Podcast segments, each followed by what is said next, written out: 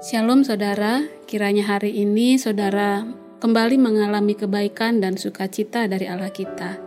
Kita akan membaca, merenungkan firman Tuhan, mari kita berdoa. Syukur bagimu ya Tuhan yang rahmatnya selalu besar bagi kami. Demikian juga kami yakin di hari baru ini. Kami pun rindu lebih sungguh hidup menggenapi rencanamu. Kiranya firman yang akan kami baca dan renungkan menerangi langkah kami kembali. Amin. Firman Tuhan hari ini Hakim-Hakim 19 ayat 30. Dan setiap orang yang melihatnya berkata, hal yang demikian belum pernah terjadi dan belum pernah terlihat sejak orang Israel berangkat keluar dari tanah Mesir sampai sekarang. Perhatikanlah itu, pertimbangkanlah, lalu berbicaralah. Demikian firman Tuhan, terang Tuhan mengusir kegelapan. Saudara, saat ini kita hidup di tengah dunia yang gelap. Terjadi banyak kejahatan yang begitu kejam bahkan pemenggalan, pembunuhan terencana, pelecehan terhadap anak-anak, dan lain sebagainya. Tetapi yakinlah kalau dalam keadaan yang sedemikian rupa pun, sesungguhnya kita masih mempunyai harapan dalam hidup yang kita jalani. Dengan Tuhan, terangnya dapat mengusir kegelapan. Israel berada dalam masa kelam dalam sejarahnya. Orang-orang yang dipanggil untuk berjalan dalam hubungan yang dekat dengan Tuhan, namun mereka tidak mau mengikutinya. Seandainya mereka mau hidup dalam pemerintahan Allah, di mana yang menjadi raja mereka adalah Allah, tentu mereka tidak akan memaksakan kehendak akan keinginan raja manusia. Namun, mereka sekarang hidup dengan skenario terburuk yang mungkin pernah terjadi. Mereka tidak mau hidup di bawah kerajaan Allah dan bahkan tidak memiliki raja manusia untuk menjaga ketertiban dan menahan kekacauan.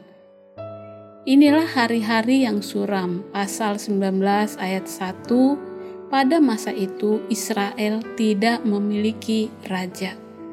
Mereka beralih ke penyembahan berhala kita membaca kisah yang mengerikan dan menyedihkan tentang perbuatan yang terlalu jahat dari tanah tanpa hukum, pemerkosaan, perbudakan, dan pemenggalan yang mengerikan terhadap seorang wanita yang menyebabkan setiap orang yang melihatnya mengatakan, hal yang demikian belum pernah terjadi dan belum pernah terlihat sejak orang Israel berangkat keluar dari tanah Mesir sampai sekarang perhatikanlah itu, pertimbangkanlah. Ini adalah masa kegelapan total, hidup tanpa Tuhan. Mengerikan karena kekejaman itu tidak aneh dalam sejarah dunia. Kekejaman yang mengerikan bisa terjadi ketika suatu masyarakat menolak Tuhan dan hukumnya, yang terkadang menimbulkan kekacauan. Kegelapan tidak hanya malam, tetapi juga kekuatan kejahatan yang dapat merayu kita dan menjauhkan kita dari berjalan ke arah yang benar, menuju cahaya kehidupan, yaitu Yesus yang membawa terang ke dunia yang gelap ini. Dalam Yohanes 8 ayat 12, Yesus sendiri mengatakan bahwa dia adalah terang dunia jadi kalau dunia tanpa Tuhan Yesus itu adalah dunia kegelapan. Namun jika Yesus berkata, Barang siapa mengikut aku, ia tidak akan berjalan dalam kegelapan, melainkan ia akan mempunyai terang. Saudara, ketika engkau berbalik kepada Tuhan Yesus, maka sejak saat itu saudara keluar dari kegelapan hidup. Dia menuntun kita keluar dari kegelapan, dari konflik dan kematian ke dalam terang kehidupan dan kasih. Dia memberi arti dan arah pada hidup kita. Tidak hanya itu, malahan ketika saudara hidup dalam Tuhan, mencoba untuk menyenangkan Dia, saudara ada dalam lingkungan yang baik, bersama-sama dengan orang percaya lainnya untuk mewujudkan terang kehidupan bagi dunia yang gelap ini. Kita benar-benar dapat berbuat perbedaan di dunia sekitar kita. Hidup saudara ada di dalam Kristus. dapat bersinar seperti terang dalam kegelapan rohani di dunia sekitar. Seperti yang dikatakan Martin Luther King, kegelapan tidak bisa mengusir kegelapan.